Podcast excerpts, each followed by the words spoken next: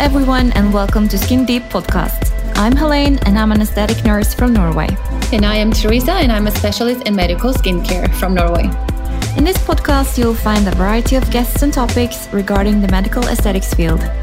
We bring a holistic view on all things skin, body, mind, and well being, asking and answering questions you never dare to ask. So stay tuned.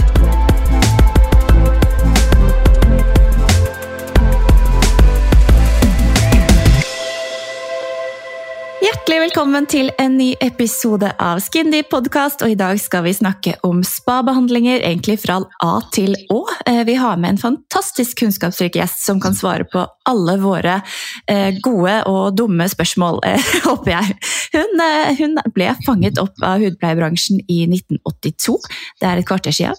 Utdannet seg til hud- og kroppsterapeut i England i 1986 og jobbet både i England, Dubai, Sør-Afrika på både store spa-faciliteter hudpleiesalonger. I dag eier hun og driver sin egen salong, i tillegg har hun jobbet med distribusjon de siste ti årene, og siden 2018 har hun hatt et eget distribusjonsselskap med hele fem produktserier og leverer til hele Skandinavia. Hjertelig, hjertelig velkommen til deg, eh, Cecilia Hjortfors. Tack så hemskt mycket. Så roligt att få vara med med mina två favoritkvinnor. Åh. Ja, dette blir gøy. Og Therese, du er jo selvfølgelig til stede, du også. Jeg er her. Ja. Slipper ikke unna meg, skjønner du, Helene. Nei, det er veldig bra. Veldig bra. Vi har jo med oss eh, en guru innen altså ansiktsbehandlinger og kroppsbehandlinger. Ja. Det som blir spennende og litt annerledes med den podkasten her i dag, er at vi skal snakke om kropp og kroppsbehandlinger. For Ja. det har man ikke gjort så mye av Nei, frem til nå. det er spennende. Altså, Og det er jo ingen andre som passer bedre til denne episoden her enn Cecilia. nei. Hun kan jo det her på autopilot. Ja. 1982. Jeg var ett år gammel i 1982. Så fint!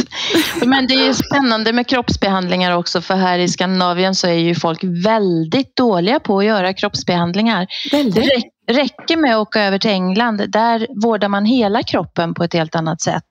Och hud är ju hud. Vi har hud i ansiktet men vi har ju också hud på kroppen och den är minst lika viktig. Godt poeng. Det, altså, jeg tror Fort liksom, gjort. Ja, det er sånn, Smører jeg meg med bodylotion etter jeg har dusja, så er det sånn åh, nå var jeg flink! Ja, stolt og klapper seg selv Ja, på ja. skulderen og yay! That's about it. Jeg skal til Farris bad nå neste helg med en venninnegjeng, og da er det sånn, jeg har booka meg en liten spa-treatment med hotstone-massasje og sånn, men, eh, men det burde jo kanskje tatt en eh, riktig kroppsbehandling, da. Alltså det finns ju så mycket man kan göra för kroppen. Du kan bada, du kan bada i massa olika saker, alger, leror, aromaoljor och du kan få inpackningar och skrubb och du kan få specialbehandlingar. Och man får inte glömma den där kroppen för nu går ju alla omkring med massa kläder på sig hela tiden och så tar man av sig kläderna och så ryker ut av döda hudceller. det er sant. Derfor badet blir så støvete, Cecilie. Ja, precis. Ja. precis. Men du har jo jobba i forskjellige land. Er det noe forskjell på hva folk liker av ulike behandlinger, eller er det, hva er liksom ulikhetene? Ehm, I England så är det ju, där går ju alla kvinnor och vaxar benen till exempel. Det är ju någonting som alla gör. Eh, så är det ju inte riktigt här i Sverige. Eh, här är man ju lite, man gör det med rakhyvel hemma eller så har man gått på laserbehandling och tagit bort allting. Men där är det verkligen så att man vaxar benen. Så att när jag var färdigutbildad hudterapeut så fick jag eh, jobb på en salong ute i östra London nära Heathrow. Och eh, m- mitt jobb var att vaxa. Och jag lovar, jag kanske vaxade 20 personer per dag. Men då blir man ju också väldigt duktig. Ja. Eh, Men där gör man ju också, man går på skrubb, man går på inpackningar, man bokar in sina kurer för kroppen. Eh, mycket detox.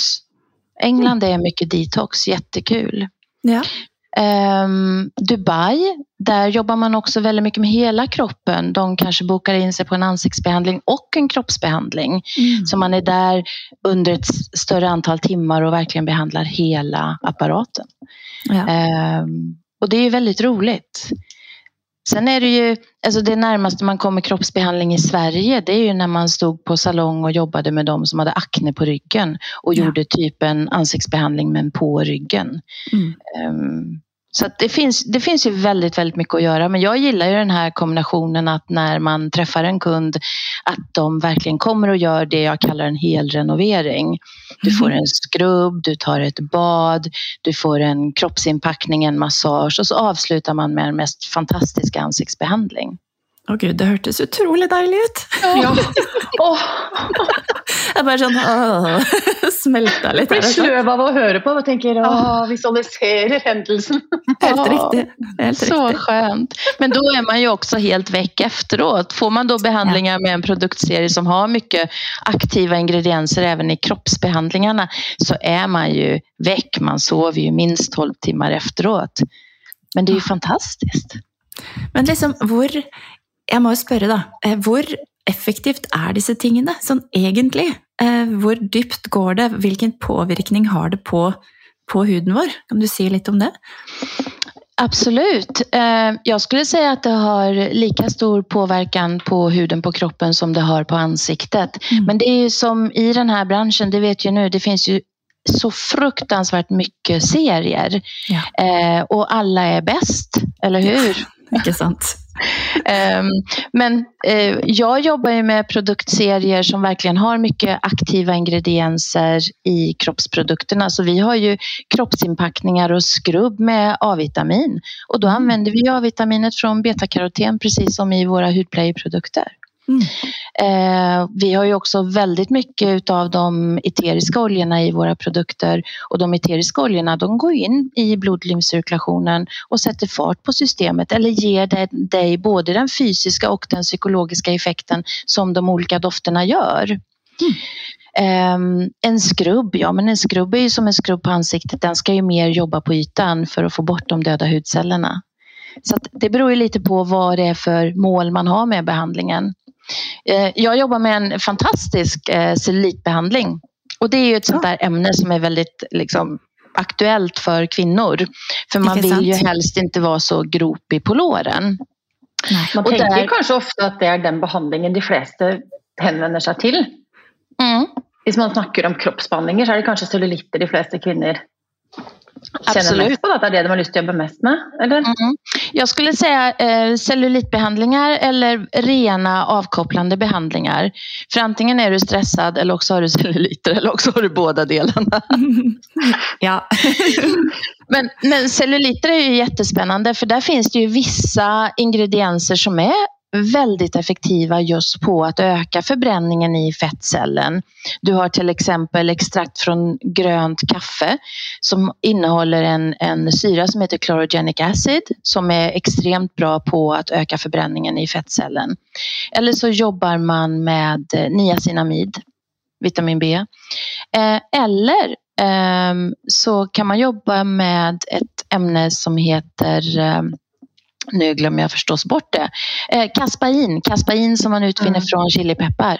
Mm. Och kaspainer ger ju en extrem genom, eh, ökad genomförsel av blod. Men inte på ytan så att huden blir röd utan det brinner nere i vävnaden. Eh, och smörjer du in en produkt innehållande kaspain på till exempel område på rumpa och lår, då har du 20-30 minuter när det är lite svårt att sitta faktiskt. Den har jeg prøvd, og den brenner noe så sjukt! Det er ikke alle områder vi kan anbefale den eh, Nej, berører. Nej, min, ma- min man skulle vara lite tuff en dag och så hade han lite ont i ryggen och då hade jag den här stående i badrummet och då sa jag, men jag har den här, den här sätter fart på cirkulationen. Och det var vinter. Han gick ut och la sig och rullade i snön för att bli av med den här brännande smärtan. Stakkar! Ler! Det var jätteroligt. Skadefryd kaller vi det der. Jajamän. Men det er kanskje ikke sånn man gjøre det hvis man er på et spa for eksempel, da, og skal ut i boblebad och saunaer etterpå. Det blir jo kanskje litt heftig. Nej, just den behandlingen är ju mer anpassad för när man inte ska göra någonting efteråt och när man till exempel det, om jag får backa där lite. När vi jobbar med kroppen så säger vi ju alltid att nu gör vi en behandling. Vi sätter fart på funktionerna i kroppen. Mm. Men själva effekten av behandlingen, det är ju det som sker i kroppen fyra timmar efteråt. Aha, det är ju då ja. allting händer. Och de fyra timmarna, då ska man ju i stort sett bara ligga och vila för att liksom kroppen får göra sitt. Mm. Och har du då gjort en detoxbehandling, då svettas du, du kommer springa på toaletten lite mer än vanligt och då är det viktigt att bara vila för då får du full effekt av behandlingen. Er det viktig å drikke da, kanskje? Få i seg mye væske etter en sånn type behandling? Absolut, det är nog det Mm. viktigaste av allting. Mycket, och då kan man inte dricka champagne utan då är det ju vatten, vatten som gäller, Therese. Nettopp. Men det er sånn type detox, hva er det egentlig som detoxes? Eh, og og um, mm, klarer ikke kroppen dette sjøl? Sånn Alltså, som alltid när kroppen åldras så går ju eh, funktionerna i kroppen går ju långsammare och långsammare. Ni pratar jättemycket hud och där vet vi ju cellförnyelsen i epidermis, den går ju långsammare och långsammare ju äldre vi är. Och det är precis samma sak med allting annat i kroppen. Allting tar längre tid. Så vi har ju också, jag brukar säga att kvinnan har sopstationer på kroppen. Man har sopstationer på baksidan av armarna, utsidan av höfterna. Det är där kroppen samlar på sig överskottsvätska eh, och där ligger ju också de här slaggprodukterna som kroppen behöver en extra kick på för att få rensa ut. En av de absolut effektivaste ingredienserna för att jobba med detox det är ju alger. Ja. Och alger är ju ett kapitel för sig själv för det finns ju så många olika sorter och alla har sina egna små egenskaper. Men just för kroppsinpackningar och bad med alger så jobbar man mycket med Fucus vesiculosus, Laminara digitata och även den här lite mer välkända spirulina-algen. Yes. Fancy navn på disse algene. Det är så skönt att få briljera lite. Ja. Det er jo flere som tar eh, alger også i tablettform for å ha den detox-funksjonen. Men det er vel kanskje, jeg vet ikke Cecilia, hvordan du opplever det, men leger og det medisinske sier jo ofte at alger har ikke noen virkning fordi leveren fungerer i den tempoet det gjør uansett, og en detox vil ikke fungere. Men det er vel ikke kanskje det en kroppsbehandling gjør. En kroppsbehandling bare dytter i gang en prosess, og lymfesystemet får jobbet mer effektivt ettersom det blir litt tregere jo eldre vi blir. Får jag berätta en historia där? Ja. Eh, så, jag jobbade med en eh, produktserie som jobbade mycket med leror och alger just för kroppsbehandlingar. Och de hade en eh, blandning utav just den här spirulinaalgen och en av de andra algerna i en kroppsinpackning. Och när jag gjorde den här behandlingen så märkte jag att kunderna blev väldigt, väldigt påverkade. Så jag bestämde mig en dag för att nej, men jag måste ju testa själv. För man måste ju kunna uppleva för att kunna förmedla. Mm. Eh, så jag tog med mig en deciliter hem eh, och så hade jag en massagebänk hemma och så hade jag inget plast så jag klippte isär två svarta plastsäckar. Eh, och så smet jag in mig med lera och så la jag där. och Så sa jag till min man att väck mig om 20 minuter om jag somnar. Och det var fotboll på tv. Och han tänkte ju att nej, men hon kan väl lika gärna ligga där nere i källaren i sin alginpackning. Fyra timmar senare så vaknade jag av att jag bara svettades något så brutalt. Och den utrensningen som jag fick efter den fantastiska behandlingen, den höll på i nästan två veckor. Jag svettades, jag kissade, jag sprang på toaletten, jag fick utslag i ansiktet, Wow. håret blev fett, alltså allting hände. Så visst funkar det. ja, det vil jeg si Men Ja. eh, bare lot deg ligge der. Inte att rekommendera. er ikke så farlig. Det var då jag fick igen för att han var tvungen att rulla sig i snön. Ja, ja, ja. ja. Det går litt opp i opp her, hører jeg. Da forstår jeg hevnfølelsen din. Men jeg tenkte, jeg må spørre litt om det her med, med skrubb, da. Eh, Jeg er jo eh, blitt litt sånn antiskrubb, spesielt i ansiktet, med åra. Eh, Så jeg lurer litt på, når man da skurer og skrubber kroppen ganske heftig, med ganske skarpe en- Enkelte serier da, har ganske skarpe korn. Hvordan vil det på en måte påvirke hudbarrieren og, og næringsopptaket av produktene i etterkant? Må man skrubbe seg, eller går det greit uten? Alltså många har ju ganska mycket döda hudceller på kroppen just för att man inte Mm. skrubbar sig på kroppen. Och man kan ju se, det är ju, även om vi inte har så mycket talgkörtlar på kroppen så kan man ju ändå se någon som kanske inte ger sig själv en peeling mellan varven, att, de, att, att huden blir lite grå, gråaktig. Mm. Eh, jag tycker alltid att man ska vara lite försiktig med vad det är för skrubbande ingredienser i produkten. Och idag kan du även göra en enzympeeling på kroppen som inte innehåller korn till exempel. Och det finns ju också de produktserier som har pads för med syra som du kan använda på kroppen. Eh, men jag tycker att eh, en, en skonsam peeling där man inte jobbar för länge på varje ställe Eh, och sen finns det ju ett alternativ till kroppsskrubb som jag verkligen vill lyfta och det är ju torrborstning. Ja, det har jag hört lite om. Torrborstning eh, utför, man, utför man med en torr borste på torr hud och det gör man innan man hoppar in i duschen på morgonen.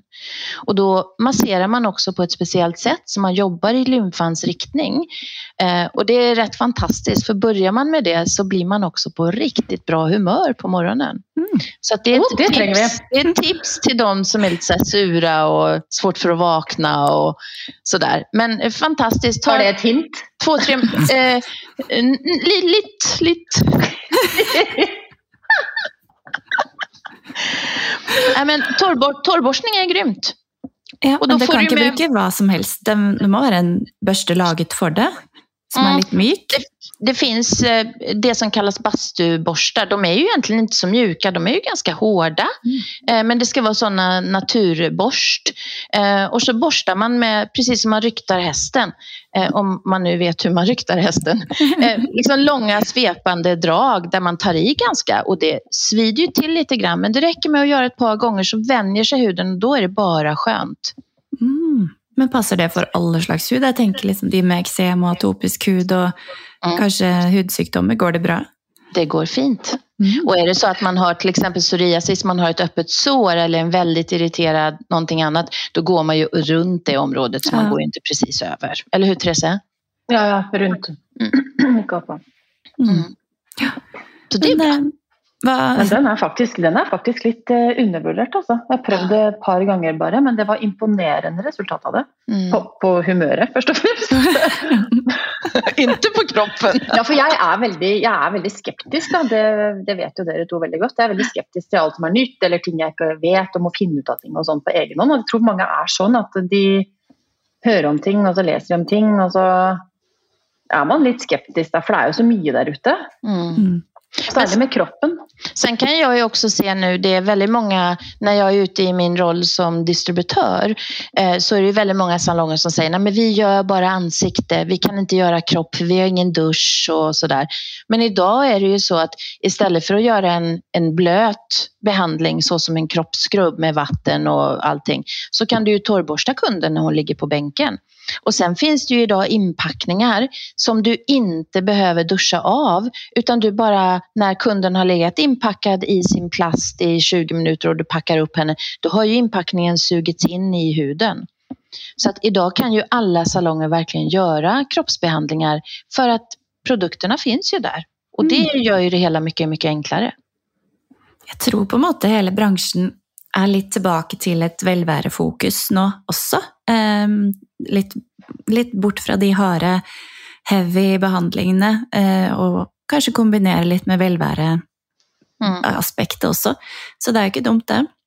Sen tycker jag också att när man är ute på, eh, jag möter ju mycket människor i spabranschen och när spahotellens gäster ska boka en behandling så blir det ju väldigt enkelt att de bokar en massage. Mm. För alla vet vad en massage är. Men det finns ju så många behandlingar som ger så mycket mer effekt och som ger både effekt liksom fysiskt men även eh, att du får ut mycket mer av behandlingen. Mm.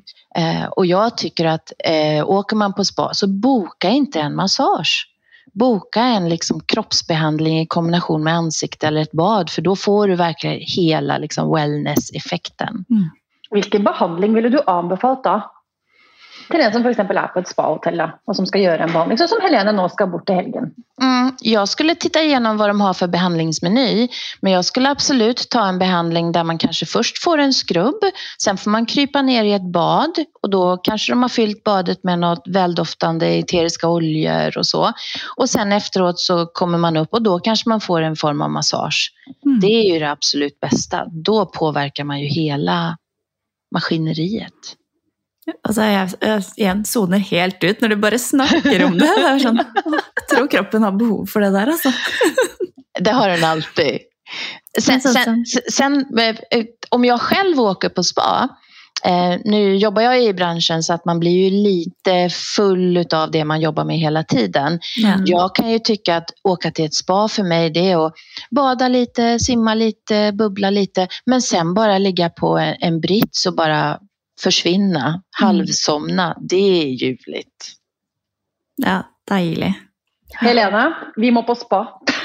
Ja, det, det blir ju en jobbtur, så det... Nada. Research. Men Cecilia, vilka behandlingar är det du liker att få då, om du är ute och reser? Vilken, vilken behandling eh, liker du att motta? Eh, det är ju lite olika. Jag kan ju tycka så här att eh, om jag kommer till ett spahotell så vill jag väldigt gärna titta igenom vad har de för någonting. Har de någonting som sticker ut? Eh, jag var nere på ett spa i södra Sverige för ett tag sedan och de är, de är eh, en kund till mig. Eh, men där har de en kvinna som är utbildad på hawaiiansk massage som heter Lumi Lumi. Och det var ju en oh. helt fantastisk upplevelse. Så jag tycker det är kul att prova det som är lite annorlunda. Eh, jag är ju också en, älskar ju en massageteknik som heter shiatsu som är en japansk form av akupressur där man inte klär av sig utan man har kläderna på sig och så går och sitter och klämmer med armbågar och knän terapeuten på en och det är ljuvligt. Mm. Du ser inte så övertygad ut där Helena. Jo, men, och du bara med kläderna på. Med kläderna på. Herregud. Fläck, fläck av de kläderna.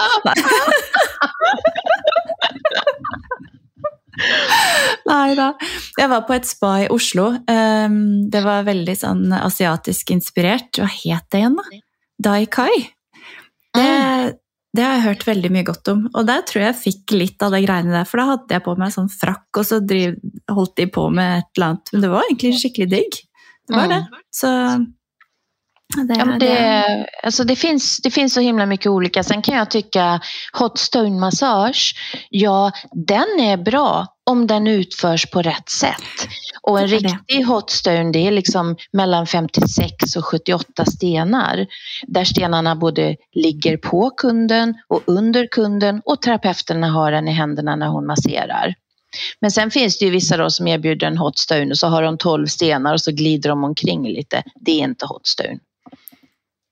Alltså det, det, är vanskligt för oss som kanske ska ut och få en behandling. Hur ska vi veta, vad kan, hur kan vi skilja? Kanske vi inte bara säger du nu glider runt med dessa stenarna på ryggen, men jag vet inte helt vad fördelen är med det. är det här ordentlig behandling eller är det? det hur kan, kan man separera? Det är ganska eh, omöjligt att veta. Eh, mm. Men man kan ju alltid fråga. Tyvärr är det ju så att är man på ett spahotell så är det ju inte alltid så att receptionspersonalen kanske har så mycket kunskap. Men då kan man ju gå och prata med terapeuten och säga jag har bokat en hotstone. Hur jobbar ni med den? Hur många mm. stenar använder ni? Eh, för där är ju själva stenen väldigt, väldigt behandlande. Och får man en ordentlig hot stone massage med säg 56 stenar, då brukar man säga att den massagen är sex gånger så effektiv som en vanlig klassisk massage. För att samtidigt som mm. terapeuten jobbar med stenar så ligger man ju också med stenar vid sidan av ryggraden, i nacken, på trapezius. Eh, så du behandlar hela kroppen hela tiden. Och det är fint. Nettopp.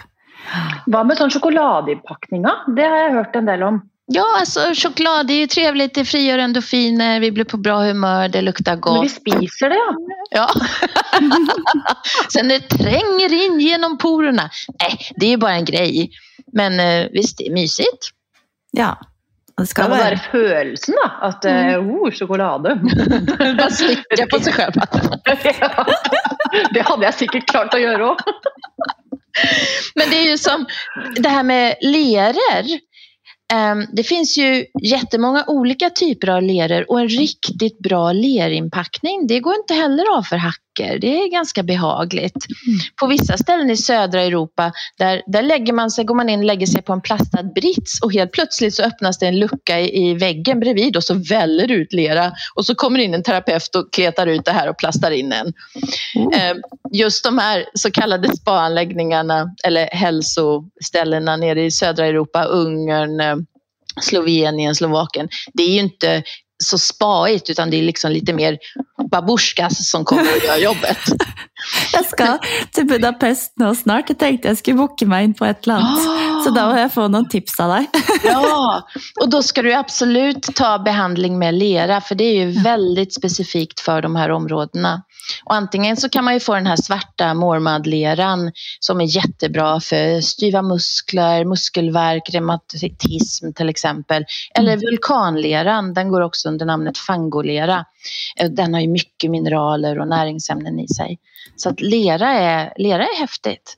Så kul. Men eh, för de som har lite sån acne prone skin, då, både på bröst och rygg och ansikt, sån som mm. jag speciellt, jeg tenker litt på dette her når de klisser meg inn med oljer og skal massere. Mm. Jeg føler jo at jeg får kviser bare noen tar olje på ryggen min. Eh, er det liksom Eller jeg vet jo det er jo kvalitetsforskjell, men er det noe man kan spørre om i forhold til hvilke oljer man tåler, ikke burde ha? Hva er det folk nå, I forrige episode så snakka Therese litt om at noen brukte vanlig olivenolje fra Rema 1000 til å ja, massere. Ja, det var på spa i Oslo. Det var jo, ja. Mm. ja er det, det, er jo ikke helt uh, innafor. Nej, det är inte helt okej. Okay. Det är ju samma sak på kroppen. När du masserar så behöver du ha någonting som glider runt så att du får mm. liksom ett bra glid när du masserar. Eh, och där tycker jag att tisteloljan till exempel är fantastisk för det är ju en lite mer tunnare, torrare olja men som är helt fantastisk att massera med. Mm. En olivolja blir ju alldeles för tjock och alldeles för geggig och den ja. har inte heller möjligheten att penetrera. Men som en tistelolja, den ligger fint på hudytan och den duschar du lätt av efteråt. Inte sant? Det är lite viktigt att inte känna sig sticky i tre mm. dagar efterpå. Men, men det man kan göra eh, som gäst och det tror jag att det är många som inte tänker på. Men om man har en bra massageprodukt som man tycker om till exempel. Eh, det kanske är en olja från, från oss som vi vet, nej men det här är en bra basolja och det är hög kvalitet på de eteriska oljorna som finns i. Då kan man ju själv ha med sig den till massagen och säga, hör du jag är lite känslig i huden och jag får lite akne och så, men den här oljan funkar jättebra. Skulle du vilja massera mig med den? Mm. Ja, och det säger tips. de inte nej till. Nej, inte sant. Så det är faktiskt bra. För det tänker man ju faktiskt inte på. Du kommer dit och tar det du får. Mm. Jag tror att kommer du till ett spa med en hel uppsättning med dina egna hudvårdsprodukter, då tror jag det inte uppskattas så väl. Men just för en massage, att man har med sig en egen olja till exempel, det är helt okej. Okay. Ja. Jo, om man har ett speciellt problem, mm. eller ett specifikt problem, för exempel mm. akne på rygg eller... Mm. Ja. Mm. Men kan inte du förklara lite om skillnaden på dessa oljorna, Cecilia? Det är lite sån Mm. Många myter och mycket fakta glider lite över i varandra egentligen. Ja, det gör det verkligen. Ja. Eh, det finns eh, ett av mina absoluta favoritämnen, det är ju det som kallas aromaterapi. Och aromaterapin, det är ju läran om de eteriska oljorna, det som på engelska kallas essential oils, som i själva verket inte är några oljor, utan det är en alkohol. Mm. Eh, men aromaterapin är ju så pass mycket mer för förutom att du har de eteriska oljorna så har du också en hel massa olika basoljor. Och en basolja är ju en Eh, olja från naturen som man ofta utvinner från olika frukter, sädeslag, blommor till exempel. Avokadoolja, solsikkeolja, tistelolja, eh, makadamiaolja. Det finns ju väldigt många olika. Och den vegetabiliska oljan, eller basoljan, den har ju en massa goda ingredienser i sig själv. Bland annat så har ju de vegetabiliska oljorna, dels har de essentiella fettsyror men de har också väldigt mycket mineralämnen och spårämnen i sig. De eteriska oljorna, det är de här små flaskorna, oftast mörka i färgen, som innehåller ett hundraprocentigt koncentrat utav olika växter och växtdelar. Mm. Det kan vara någonting man har utvunnit från en rot eller från stammen på en blomma eller från själva blombladen eller från en frukt till exempel.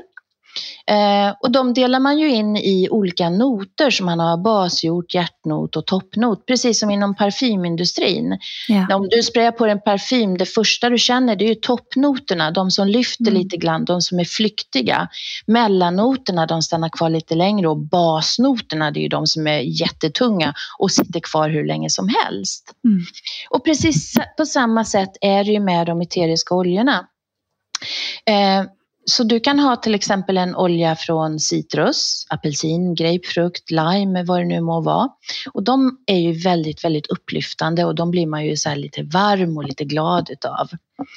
Eh, och sen hjärtnoterna kan ju vara en lavendel, kamomill, det kan vara en ros. Och basnoterna, det är oftast det som är längst ner på växten, typ som rötter.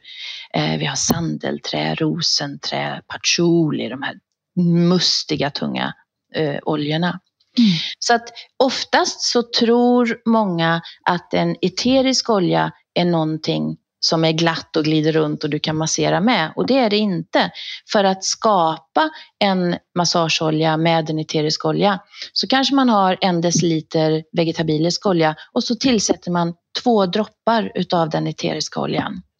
Och det räcker för att få både effekten av att den eteriska oljan tas upp av blod och lymfcirkulationen när du masserar med den, men också när du inhalerar den så går den via andningsorganen ut i lungorna och därefter ut i blod och lymfcirkulationen. Men sen går den också via näshålan och upp till den här lilla hjärnan här bak där vi lagrar minnen. Mm. Och det är därför man ibland känner en doft. Säg man känner kanel till exempel och så bara Wow, det här luktar precis som när mamma bakade bullar. Ja, men för ja, det är helt sant. registrerat det minnet mm. där bak. Och det, alltså, aromaterapin är fantastisk. Jag kan prata hur länge som helst om den. Men var det svar på din fråga? Jag blir helt revet ja. med här. Jag bara, oh. ja. Jag känner jag blir dösen och blir helt superfokuserad samtidigt. Men det är så fantastiskt. Och det som är det allra mest fantastiska det är att det finns eteriska oljor som påverkar dig på ett sätt när de går in via huden i blod och lymfcirkulationen. Men de påverkar dig på ett annat sätt rent mentalt. Eh, och det finns en helt ljuvlig bok som heter Aromatherapy and the Mind. Och där kan man läsa om vissa oljor som har just den här effekten. Och det är så häftigt. Så, Men nå er det, det er jo faktisk flere psykologer og psykiatere og alt mulig rart som har f.eks. lavendel stående, eller har den duften i rommet da, for at kunden eller pasienten skal være beroliget eller føle seg avslappet. For en veldig beroligende effekt. Mm. Vi vet jo det. Så når du behandler en kunde da, eller en pasient, og så kommer kunden pasienten inn og kanskje litt stressa, så du ser alltid det tar liksom ti minutter cirka før kunden eller pasienten er avslappa. Mm. Och när du har gått tio minuter då, så är du helt avslappnad men då är ju behandlingen nästan färdig. Mm. Vissa, På vissa ställen så har man experimenterat med att ha eteriska oljor i luftkonditioneringssystemet för att det hela tiden ska finnas en, en svag doft av den eteriska oljan. I Sverige har det blivit lite av en trend att hotellet ska ha sin egen doft. Mm. Eh, så det finns en hotellkedja som har eh, olika dofter till sina olika hotell till exempel.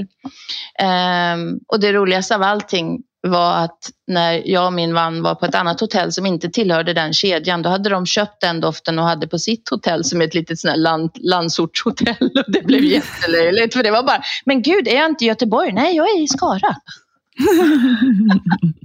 Men stötta.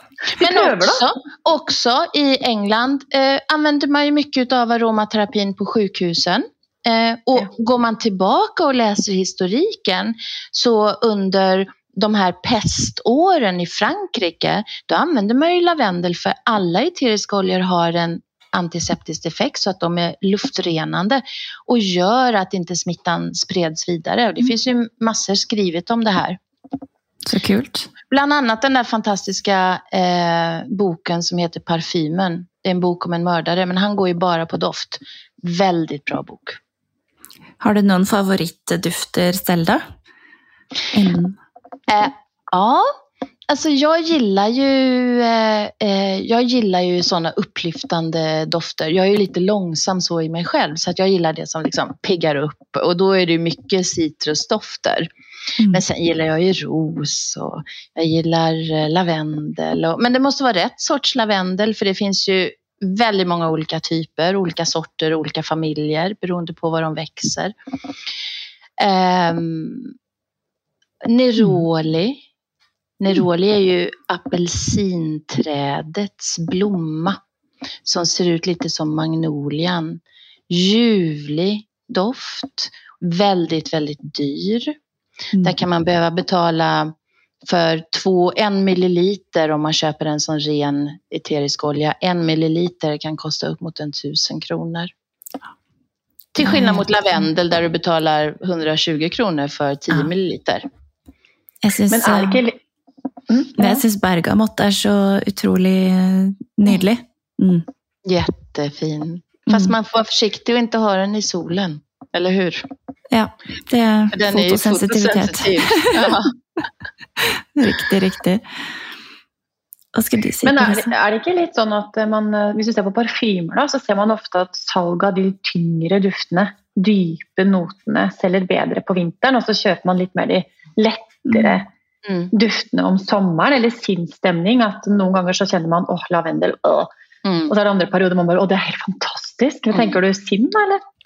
Ja, men jag tror att det är precis så att det går på vår sinnesstämning. Alltså vi är lättsammare, vi har mer roligt, vi har mer sex på sommaren eh, och det har vi inte på vintern. det kanske var lite mer på personlig nivå men ja, vet. Jag tror det är väldigt individuellt. vi är lite lättfotade på sommaren. Kan ja. man säga så? ja. Våryre. Man lar sig lätt fascinera och förföra på sommaren. Precis. Nej, men också, det är, alltså, patchouli är ju en eterisk olja eller en doft som ofta återfinns i manliga parfymer. Mm. Eh, och den passar ju verkligen inte alla män. Den är ju lite så mystisk, den är lite orientalisk. Mm. Eh, och det är inte alltid den passar en, en svensk svenne. Utan eh, man kanske kräver att man har lite mörkt hår och kraftigt skägg för att den ska passa in. Så det är väldigt individuellt också. Det är ju det här som gör det så otroligt fascinerande. Jag husker eh, i Dubai så var Oud eh, en väldigt sån eh, populär duft och det duftar ju Oud parfymer överallt och den är ganska intens. Den är ganska intens. Ja, men den, den likte de väldigt gott där. så jag fick lite ont i huvudet av den eh, till tider. Men det är också en väldigt sånn dyr ingrediens, samma med frankincense och sådana typer oljor. Kämpedyrt. Mm. Sen är det ju, eh, vi har ju mycket, inte mycket eh, koncentrationsmässigt, men vi har ju eteriska oljor i våra produkter och de produkterna man tar fram nu, det är ju hudvårdsprodukter, men som ska ha många olika funktioner. Mm. och där pratar man ju hela tiden om att nej, men det här är en eh, renseprodukt, det är en eh, eh, cleanser för ansiktet. Men du har eteriska oljor i den som även påverkar dig mentalt. Och där har vi bland annat grapefrukten som gör att wow, wow, jag blir på bra humör. Ja, inte sant. Så det, eh, det är häftigt. Jättehäftigt. Men, Cecilia, jag har ett spörsmål. För vi, vi har ju snackat en del om, om hud i ansiktet och däribland pigmenteringar. Mm. Men man är ju ofta i solen på stranden också med huden. Alltså man får ju pigmentskador också på kroppen, armar eller ryggen eller benen. Är det någon, är det någon goda kroppsbehandlingar som också kan behandla pigmenteringar på kroppen? huden på kroppen? Det finns ju ingredienser som har en väldigt utjämnande effekt på hudtonen och framförallt eh, de som har eh, kanske lite större lår och där låren hela tiden gnider mot varandra. Det gör ju också att man får en annan färg på huden på det stället för det blir ju som en friktionsskada. Eh, och där har vi bland annat en helt fantastisk behandling som lys, ljusar upp området men som också stramar upp och gör att huden blir mycket jämnare i färgen. Eh, och det, där jobbar man ju oftast med någonting som är eh, citron eller eh, citrusfruktsbaserat för citrusfrukter har ju en lite blekande effekt. Så absolut. Det er kjekt å vite, for jeg vet det er veldig mange rundt meg i hvert fall, som har spurt om jeg har pigmenteringer på ryggen og mm. kanskje etter noe gamle, gammel akne, eller de har hatt akne og så har en postinflammatorisk hyperpigmentering på ryggen. og Det er jo litt stusslig. Mm. Man ser seg jo ikke selv så mye på ryggen, men andre gjør det jo. Mm. Hvis du Men, går med litt sånn utringa kjole, da, så er det kanskje ikke det du har lyst til å vise frem, og så har man egentlig litt lyst fordi kjolen er fin, og så mm. at det er noe man kan gjøre også der da, med kroppsbehandlinger. Men der kan man jo absolutt gjøre en, en eh, kemisk peelingbehandling eksempel. Precis som du gjør når ja, der kan du gjøre en kemisk peeling på ryggen. Eh, har man mye pormasker og komedoner, da gjør man jo en utrensning, eller så da gjør du jo rent på ryggen ordentlig. Eh, og vissa har jo veldig akneproblem på ryggen, framfor alt menn och som mm. också får väldigt mycket ärr på sikt. Eh, men vi kan ju behandla huden där precis så som vi behandlar den på ansiktet och det är det som är så fantastiskt. Har du tips till någon gode, dyktige spaterapeuter her i Norge som du liksom kan gå skikkelig god for? Oj, nu satte du mig på pottan där. Eh, alltså, jag, jag, känner ju väldigt mycket terapeuter för att jag har utbildat väldigt många terapeuter ja. i Norge. Det kanske är vanskligt att bara plocka ut någon. bara, vi har en fantastisk terapeut uppe på Polar Spa på Svalbard om man vill ta sig en sväng dit. Camilla är så söt och hon är så duktig. Ja, Nej, men det finns ju, alltså över hela Norge finns det en mängd jätteduktiga terapeuter. Mm. Eh, men det är svårt att, eh, det här är ju en bransch, spaterapeuter, när jobbar man? Jo, man jobbar när andra är lediga. Mm. Och det kanske är kul under ett år, ett par år.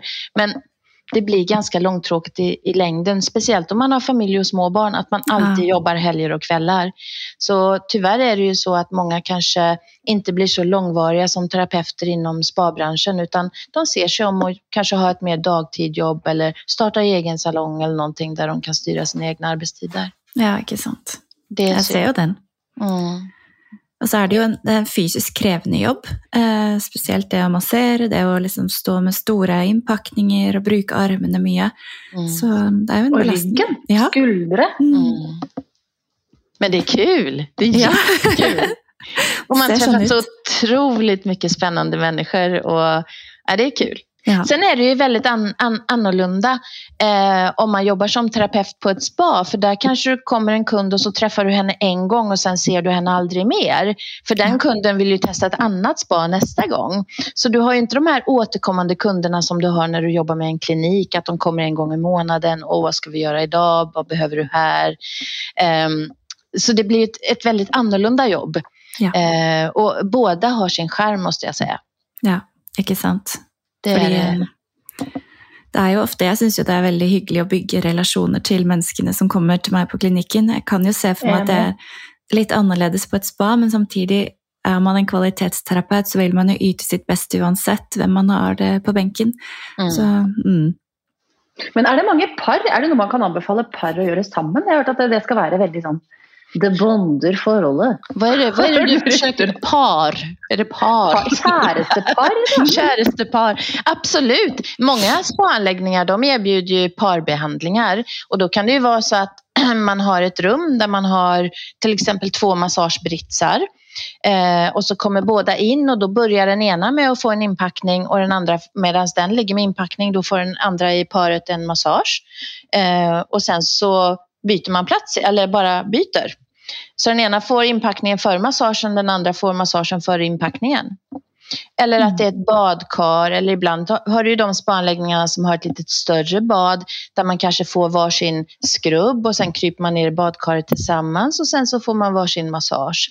Så det är ganska vanligt. Mm. Det är mysigt. Mysigt, ja. ja. Men Cecilia, ett litet spörsmål. Vad, vad, alltså, vad tänker du om varför är vi i Norden inte så flinke eller flinke i det hele tatt på å gjøre kroppsbehandlinger kontra i f.eks. Mellom- og Sør-Europa? eller Sånn som I Sør-Amerika så er det jo de store luxury resort-spaene. Afrika, Sør-Afrika har kjempestore spa-avdelinger og hoteller. Hva, hva tenker du, hva, hva, gjør det til at vi nordboere ikke er så dyktige på å ta vare på kroppshud som nedover? Jag tror att dels så handlar det väldigt mycket om en okunskap. Eh, vi här uppe i Norden tror att en kroppsbehandling är en massage. Ehm, men man har helt enkelt inte kunskapen om det. Sen är det ju också det här att det är ju ganska dyrt att åka till ett spa. Och då kanske man väljer någonting som inte är så flashigt eller så speciellt för att det får en lite dyrare prislapp. När vi jobbar på spa så har du ju alltid en terapeut som jobbar med en kund och det blir ju ganska kostsamt rent lönemässigt och så. Mm. Eh, därför är det ju många spaanläggningar som har kommit på att man kan jobba med olika typer av gruppspa eller att kunderna får en egen liten låda med produkter så att de gör behandlingen på sig själva under den tiden de är på spa. De kallar det ofta för en sparitual och sådär. Men jag tycker att det är också en fråga som ligger mycket på leverantören. Vad kan man göra för att våra spaanläggningar ska göra och salonger överlag ska göra mer kroppsbehandlingar? För det är ju så fantastiskt. Eh, och jag försöker jobba med det hela tiden, att verkligen lyfta det. Att salongerna ska göra kroppsbehandlingar. För det, det är viktigt. Mm. Det blir så mycket mer välväre. Det blir inte bara en del utan det blir hela paketet.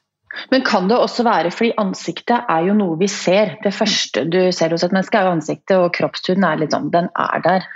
Hur många går och ser på den? Ingen, så sant inte du ska ha på den. en bikini och nedover så är det ju andra, alltså att det kanske är klima som gör att man Absolut. Vi har inte det behovet för att löpa runt i singlet i minus 20 grader. Alltså... Nej, så är det ju definitivt. Titta på Brasilien som är vår största konsument av skönhetsprodukter överlag och även rent operationsmässigt.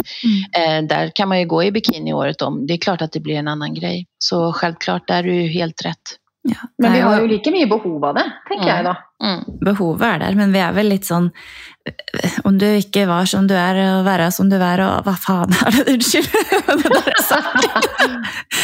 du må vara som du är om du inte varit som du skulle. Sån mm, ja, den där. där. Ja. Mm. Litt klumsete förklarat så är det ju lite den där, det ligger ju i oss att eh, du ska vara dig och du ska vara förnöjd med det och mm. inte våga ändra på något. Um, da kommer vi och tar det.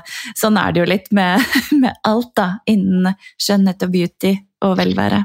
Sen är det ju också, Helena och Therese, det är ju lite det här också att alla vill ju ha en quick fix eh, och en skönhetsbehandling eller en välvärebehandling på kroppen är ju inte en quick fix mer än för den totala avkopplingen efteråt resultaten kommer ju när du jobbar med någonting regelbundet under en längre tid i kombination med bra mat, bra kost, träning ja. eh, och tillräckligt mycket sömn.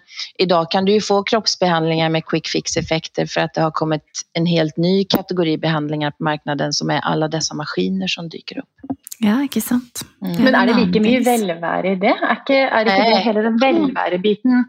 Det är ingen välväre alls. Nej, men är inte det lika viktigt sån på sin själ att man Nej, jag vet inte.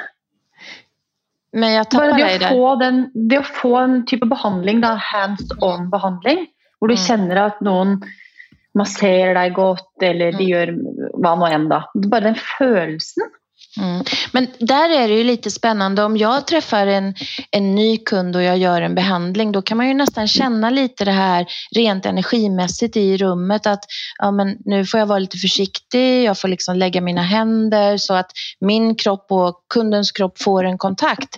När det kommer någon till mig som har gått hos mig i flera år, det räcker med att de kommer innanför dörren och man känner doften i lokalen. Så fort de lägger sig på bänken och jag lägger händerna så bara totalt kopplar den kunden av. Och då är det ju både mentalt och kroppsligen. Så att man skapar ju också en relation med, precis som vi pratade om förut Helene, man får en relation med mm. återkommande kunder. Men man skapar ju också en relation mellan kropparna utan att vi egentligen är medvetna om det. Mm, det är och det är häftigt. Det är energier, det är mm. häftigt. Ja, det är väldigt kul. Det finns ju, Therese, du var lite inne på det här med olika typer spa. Ja, det finns ju det är ju väldigt många som marknadsför spa och så har man ju sån resort spa, du kan resa ett land sted, si till Mexiko då, på en sån retreat-tur. Eh, och så har du dessa, dessa som kallar sig för medispa eller medical spa. Vad är en day spa? Vad är skillnaden? Jag tror väldigt många blir lite förvirrade där ute, för alla kallar sig ett eller med spa, men så är det ett annat ord föran, man blir lite sinnsförvirrad. Kan du mm. sätta lite ord på vad det olika är? Sen finns det dog spa och det finns car spa också. Jag snackar om kroppen då. Eh, det, det finns en internationell organisation inom branschen, inom spabranschen och de klassificerar det som att det finns fem olika typer av spaanläggningar. Och den enklaste är ju dagspaanläggning. En dagspaanläggning ska du kunna gå till på en behandling eller en behandling och att du kanske blir serverad någonting hälsosamt att äta eller att du kan få ett bad. Det ska, det ska finnas tillgång till bad om det är en liten bubbelpool eller en liten bassäng eller ett badkar. Så länge det finns någon form av vattenbehandling så kan man kalla sig spa. Ehm, sen har du resortspa. Resortspa är väl den kategorin som egentligen är den största. Ehm, och det finns ju runt om i hela världen en plats dit du åker, kanske ett par dagar med ett par övernattningar. Där det finns tillgång till träning, det finns tillgång till bad, behandlingar eh, och bara ytor där du bara kan liksom njuta och ta det lugnt. På ett resortspa så äter du oftast väldigt gott. Det blir en liksom lite mer lyxig upplevelse. Sen kommer vi till destinationsspa. Destinationsspa är en eh, spaanläggning oftast i, eh, med hotellverksamhet dit du kan åka under till exempel en vecka. Mer lite som den här traditionella svenska hälsohemsveckan. Man skulle åka iväg för att gå ner i vikt till exempel. Mm. Och destinationssparna de har ofta tema. Visst kan det vara viktreducering men det kan också vara att vi går ut och knallar en mil varje dag tillsammans. Där ska det också finnas tillgång till någon form av, vad var det som var kul, knallar? Alltså jag hoppas folk förstår hur jag menar att gå. Ja, väldigt specifikt tema tänkte jag, knallar. Ja. Ja, ja. Det finns säkert det också. ja, men där man har teman. Det kan vara en vecka med yoga, det kan vara en vecka med ut och cykla i terrängen. Ehm, men man är där under en längre tid och där är det oftast lite så att man kanske tittar lite på kosten. Mm. Och då kan det vara så att det kan finnas olika restauranger där här äter man 800 kalorier om dagen men här äter du all all in, här tar du allt ah, du får. Liksom. Det är sant. Så det är spännande. Så en annan eh, kategori är ju det man kallar cruise ship spa. Det finns ju ganska mycket båtar, sådana här stora kryssningsfartyg, ja, ja. där man ofta bygger upp en spaavdelning. Eh, och då blir det ju mer eh, du går dit, tar en behandling, kanske sitter ute på båten i en bubbelpool och sådär. Och sen har vi då den eh, sista kategorin som Therese nämnde eh, och det är den kategorin som heter Medical Spa.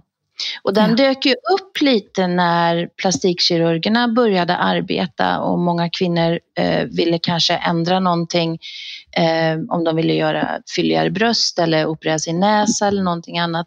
Då åkte de iväg till ett medical spa och så opererade de sig eh, och fick lite sådana här välgörande postoperativ behandlingar eh, och sen när de åkte hem så var allting läkt och klart. Så de checkade in under själva läkningsprocessen. Då. Det är sant. Eh, och, eh, så alla, alla fyller ju sin funktion på ett eller annat sätt helt enkelt. Det var otroligt spännande att höra om eh, Cecilia och otroligt kul att du deler all kunskapen din, och jag føler jeg kan mycket mer om spa nu och ska ställa lite krav när jag ska få hotstone-massage. Absolut, de ska få behandling. Altså, nå fikk jeg jo kjempelyst. Ja. Hvorfor har vi inte gjort detta? Mm. Och varför gör man inte mer av det? Precis. Ja. Alltså, du var en inspiration utan sidestycke, Cecilia. Ja. Tackar, tackar. Det, det, var väldigt kul. Det är lite sånn som med träning, att da, man ser ju inte resultaten efter en gång, två gånger, tre gånger. Man måste stå i det och veta att det du gör med kroppen, det är, det är bra. Mm. Eh, och, ja, rätt och slett bara göra det. Eh, mm. Så ska jag investera i lite skickligt bra spa-produkter att ha hemma, kände jag. Absolut. För vi förtjänar det. Yes, absolut. Alla förtjänar det. Alla förtjänar det. Men Cecilia, var kan vi finna dig på Instagram om någon av följarna har någon spörsmål eller de bara har lust att följa kliniken din? Eh, den heter Yrsnö Skara. Ja, perfekt. Eh, så då kan man eventuellt ställa ett spörsmål där, om du är öppen för det. Och, Absolut. Eh, mig finner dere under Hudsykepleieren, och Therese heter? Att är Therese. Yes, den må vi ändra. Nej då. I know! Ja da. Nei da, men Det var var en, utrolig bra, Cecilia. Tusen Ja. hjertelig takk. en sann glede. Tack för att jag fick vara med. Det var jätteroligt. Tusen takk for tiden din. Dette var helt nydelig. Vi snakkes ved en senere anledning. Det gör Det vi. gör vi. Ha Ja. det bra. Det Hej bra. då.